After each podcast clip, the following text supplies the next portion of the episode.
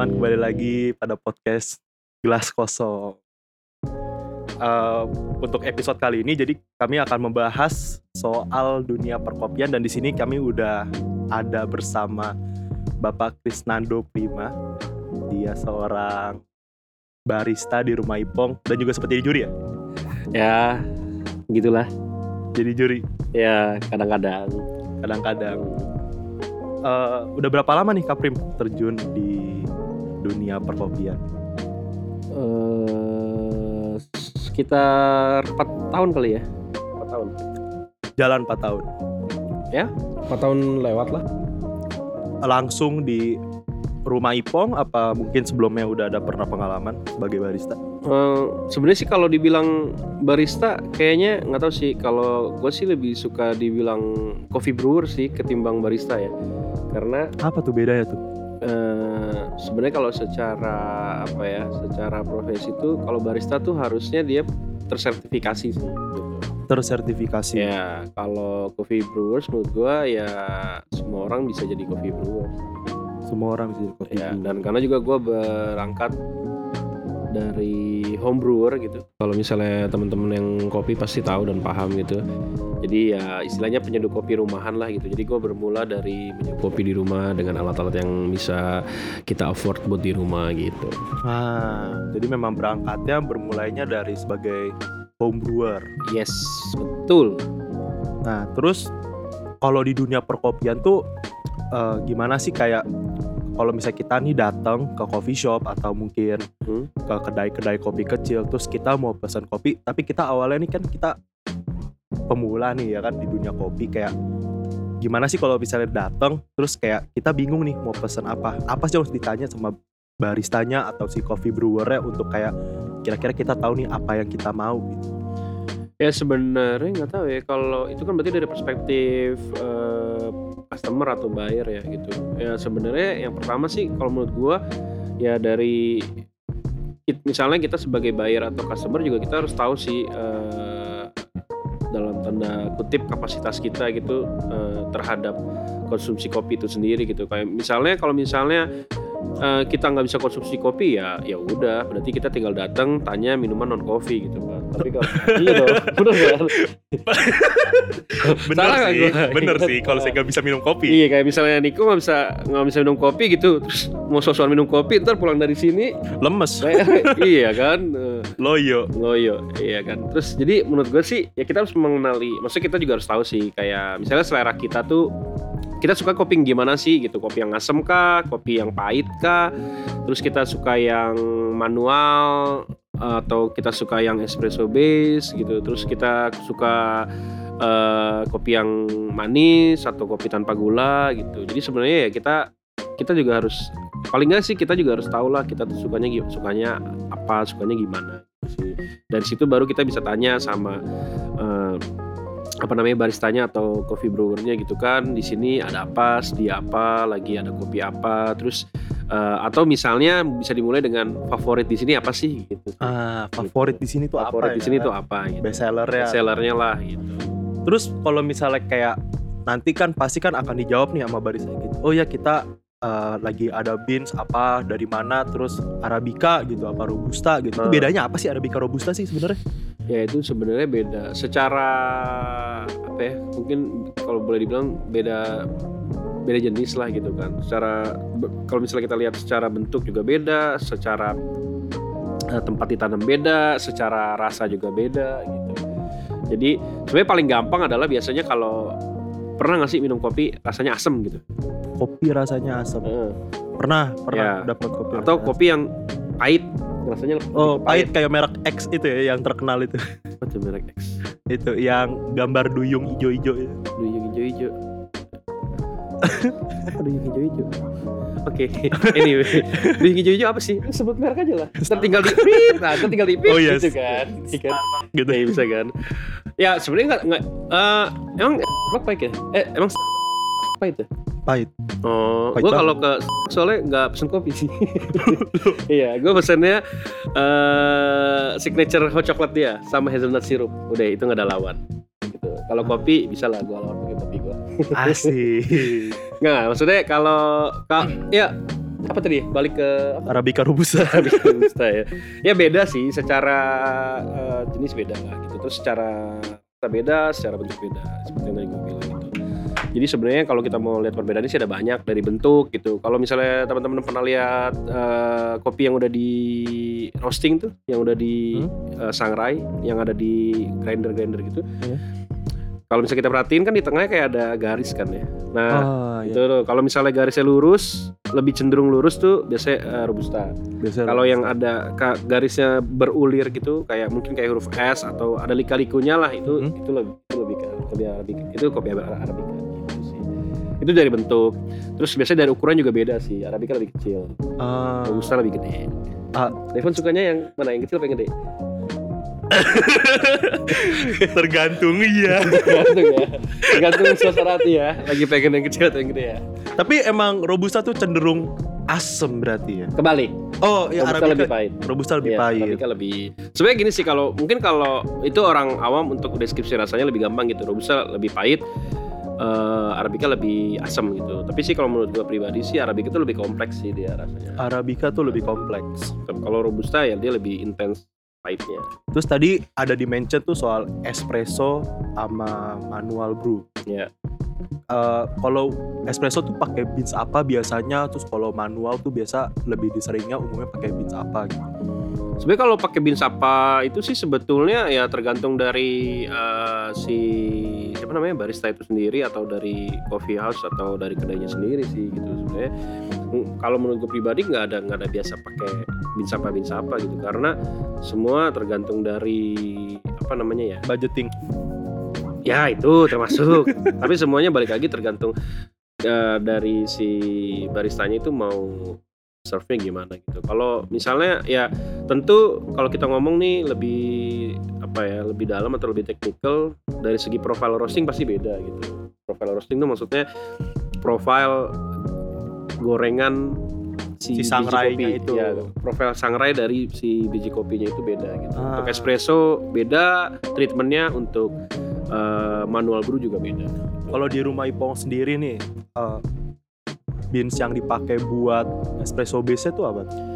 Uh, kita nggak punya kayak semacam sejak tahun inilah ya kita uh, kita nggak punya semacam kayak patokan yang pasti maksudnya kita untuk espresso blend kita pakai beans dari mana gitu huh? ada sih karena kan uh, kayak gue pribadi kan gue suka ngelayap gitu kan maksudnya kayak ke mana-mana itu ngeplak Instagramnya bagus iya, banget bagus ya mantap ya. Suka ngelayap. Ya, Instagram gue suka ngelayap. Jadi uh, per tahun ini lebih lebih banyak eksplorasi sih sebenarnya. Jadi kayak lebih hunting ke green beans-nya gitu. Jadi hunting green beans ke mana, hunting green beans ke mana, terus kita sangrai sendiri gitu. Jadi gue punya temen, ada partner gitu yang bantu kita untuk sangrai uh, si kopinya gitu. Jadi kalau untuk sekarang, sekarang nih ya, sekarang saat podcast ini diambil gitu kan, direkam.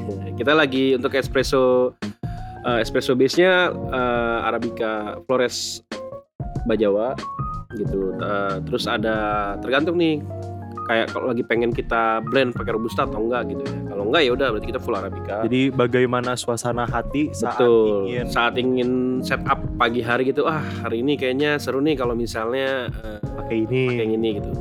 Tapi kita juga ada sedia udah sedia juga yang udah roasted untuk robustanya buat blendnya itu uh, pakai temanggung. Temanggung. Kalau untuk robusta Temanggung udah cukup bukan udah cukup sih ya cukup terkenal cukup terkenal lah untuk untuk kopi-kopi robusta.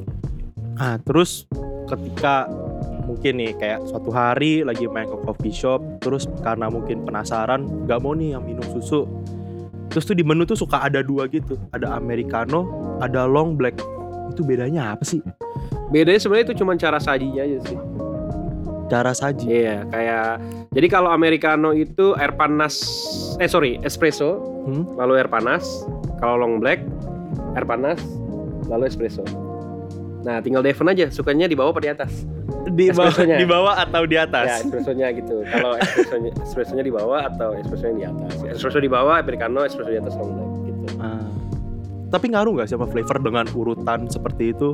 Hmm, menurut menurut gue sih cukup cukup berpengaruh sih karena kalau misalnya nih espressonya kita tuh eh, americano kan espresso di bawah lalu air panas ya kan dia espressonya tuh berarti kan espresso duluan terus air panas kan dia hmm. espressonya pecah gitu jadi eh, bahasa gue sih espressonya pecah ya. Jadi eh, kremanya karena ada ketumpahan air panas ya, jadi dia buyar gitu segala macam. Nah, Ah. Tapi kalau misalnya long black, karena espressonya dituang setelah air panas, itu krema-krema masih ada tuh di atas. Gitu. Jadi biasanya akan lebih apa ya menurut gue sih akan lebih intens sih kalau long black. long black akan lebih intens. Iya, karena kita masih bisa ngerasain apa ya namanya eh, seruputan kita tuh awal-awal kita masih bisa ngerasain espressonya di atas Ah, gitu. Kalau americano kan espressonya istilahnya udah buyar. Cuman tapi dia tetap ya tapi dia mix sama air. airnya itu. Nah, terus kalau misalnya nih lagi mau datang ke coffee shop, ngelihat ada espresso base sama susu, kan ada banyak tuh. Hmm. Ada latte, ada Hmm. cappuccino, ada piccolo, apa pun itu banyak Hmm. banget. Sebenarnya bedanya tuh apa sih? Kan sama-sama kopi sama susu gitu loh. Em, cara bikinnya pasti beda. Eh, cara cara pembuatannya terus paling gampang sih sebetulnya dari eh, komposisinya sih perbandingannya gitu loh. Kalau eh, cappuccino itu espresso, foam, susu, sorry susu, foam gitu kan. Eh, latte juga sama, tapi kalau si cappuccino itu perbandingannya rata satu satu per tiga gitu. Cappuccino, espre- jadi espressonya espresso eh, steam milk sama foam sama. Tapi kalau latte dia lebih milky. Lebih banyak Hmm. susunya dibanding foamnya. Ya, terus kalau misalnya kita ngomong piccolo gitu kan dia volumenya lebih kecil. Iya. Terus ada apa lagi ya namanya? Kalau di tempat kita ada namanya magic latte gitu kan. Itu eh, di saat cappuccino dan espresso pakai satu shot espresso. Hmm? Eh sorry, cappuccino dan latte pakai shot pakai shot espresso. Kalau magic latte kita pakai eh, double ristretto. Gitu. Apa tuh double ristretto? Badi bedanya sama espresso tuh apa? Kayak banyak banget ya terusnya. Bedanya sih sebenarnya di waktu ekstraksi sih. Gitu. Waktu Eh, ekstraksi. jadi kalau kita mau ngomong secara sejarah gitu espresso kan eh, espres ya cepet gitu kan. Jadi sebenarnya kopi yang diekstraksi dengan air panas eh, buat buat cepet gitu. Eh, buat diminum dengan cepat gitu. Makanya kayak misalnya pengalaman gue waktu gue tinggal di di Melbourne gitu. Kalau misalnya pagi-pagi orang pesen kopi itu kayak kayak di sini kayak pesen tuku gitu ya Hmm? ngantri ya kan tapi kan kalau di sini buat kopi susu Ya. ya kan kalau di sana buat pagi-pagi biasanya espresso gitu jadi espressonya espressonya jadi dia minum langsung satu shot kalau kayak kita minum tequila gitu jebret tek, langsung cabut deh. Gitu. gitu dan ya secara ini juga maksudnya ya emang espresso di tercipta untuk kayak gitu ya espresso Oh. nah kalau ristretto itu sebenarnya eh, dari kata restricted gitu jadi eh, waktu ekstraksinya yang di cut lah lebih cepat, lebih yang lebih pendek lah lebih pendek. ekstraksi. Ah. Gitu. Tapi baru tahu tuh yang express tuh sekali shot gitu minum. Eh, harusnya sih. Makanya kita lihat kalau di Indonesia agak jarang ya. Iya, di Indonesia agak beda ya. Kadang Iya. pesan espresso, pesannya sore, pulangnya malam, nebeng wifi. Iya, gitu. Eh, emang ya pakai-pakai wifi. Pakai wifi. Enggak kalau masalah mungkin karena itu beda ini aja sih. Kalau menurut gue itu lebih beda Culture ya? culture sih, budaya ngopi gitu. Kalau mungkin kita sebenarnya bukan budaya ngopi kalau menurut gue. Kita tuh budayanya nongkrong. Budaya kita lebih ke arah nongkrong dibanding sambil ke arah ngopi. gitu. Kalau misalnya kayak waktu gua di Melbourne tuh ngopi ya udah ngopi aja gitu. Eh, pagi tuh kita sebelum mulai kerja, mulai kuliah gitu, orang bisa ngantri just for a cup of coffee gitu, cepet. Jadi cappuccino eh, nggak ada tuh kopi susu gula aren mah di sana mah. Kopi susu gula aren di Nggak sana. Itu hanya di Indonesia. oh, jadi memang pada dasar kopi susu gula aren itu emang menu ciptaan Indo nih. ya karena gula aren kan Oh iya, kan di Indonesia di doang.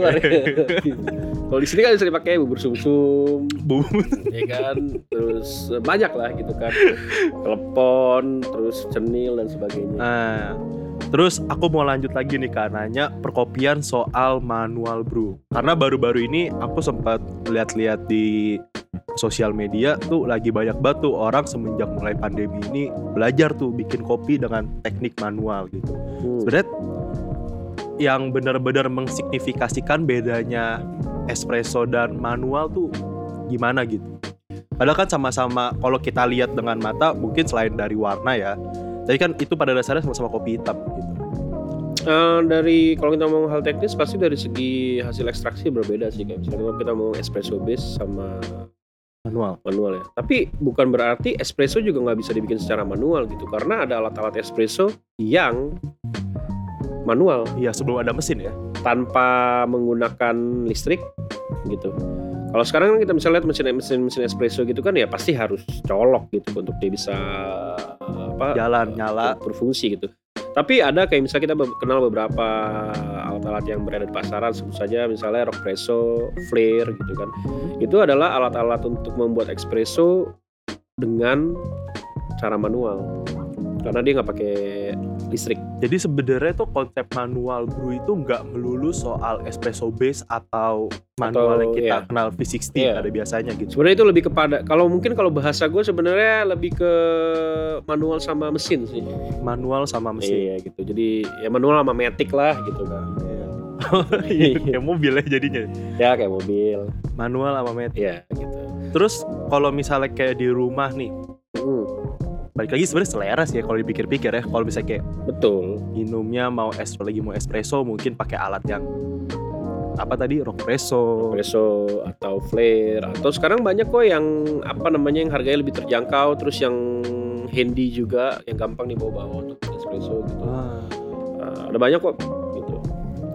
oh tapi secara flavor ini aku lagi ngomongin yang kayak let's say V60 ya. Kan ada beberapa metode tuh. Kayak yang aku tahu ya aku sudah melakukan research ada metode V60 ada metode seperti siphon ada metode apa Chemex ya? Chemex ya. Chemex. Itu bedanya secara signifikan tuh bedanya apa sih gitu? Yang pertama alat yang dipakai. Pastinya. Pasti beda. pastinya alat. Dengan alat yang dipakai berbeda pasti eh, ada treatment yang berbeda juga. Treatment yang berbeda ya saat menggunakan alat tersebut gitu kan. Lalu nanti pasti hasil dari eh, ekstraksi kopinya juga pasti akan berbeda gitu. Kayak misalnya katakanlah kita memakai beans yang sama tapi dengan alat yang berbeda dan metode yang kalau kalau misalnya gue ngomong metode tuh maksud gue resep ya. resep Jadi pasti hasilnya akan berbeda gitu. Let's say kita pakai balik Kintamani di V60, terus Siphon, Chemex, French Press, Aeropress, you name it any manual apa namanya tools pasti hasilnya akan berbeda. Ah, karena ekstraksi dari masing-masing alat tuh beda apa ya bahasa gue tuh beda kekuatannya lah. beda kekuatannya Ya, dan di luar itu pun ada variabel-variabel yang harus dipastikan, eh di harus dipertimbangkan. Misalnya eh, ukuran gilingan kopi, terus suhu air panas yang dipakai misalnya. Terus kita ngomong resep gitu kan, setiap orang punya resep yang berbeda untuk alat yang sama. Misalnya gini, misalnya lu sama-sama pakai VC, kita berdua nih sama-sama pakai eh, V60 nih. Iya. Sama-sama beans yang sama, mungkin lu punya resep yang berbeda, aku punya resep yang berbeda. Gitu. Misalnya lu punya lu dua kali puring, tiga kali puring, empat kali puring, atau gua misalnya cuma tiga kali puring gitu. Tinggal yang tinggal kita adjust variabel-variabel yang ada. jadi ternyata dunia kopi ini sekompleks seperti ingin mendekatkan gebetan Eh, nggak tahu nggak juga sih. Sebenarnya kadang kita yang bikin eh gue pernah baca sih sebenarnya eh, kopi tuh nggak ribet. Lidah kita aja yang ribet. Lidah kita yang lebih Iya, ribet gitu. ya. Jadi kayak nggak tahu sih kayak hmm ini kopinya eh, kurang, Kurang- ini ya kurang iya, ini. Iya. gitu, kayak gitu. sebenarnya prinsipnya sih kalau kita ngomong di luar kompetisi sih kalau menurut gue adalah yang penting kita nyaman sih.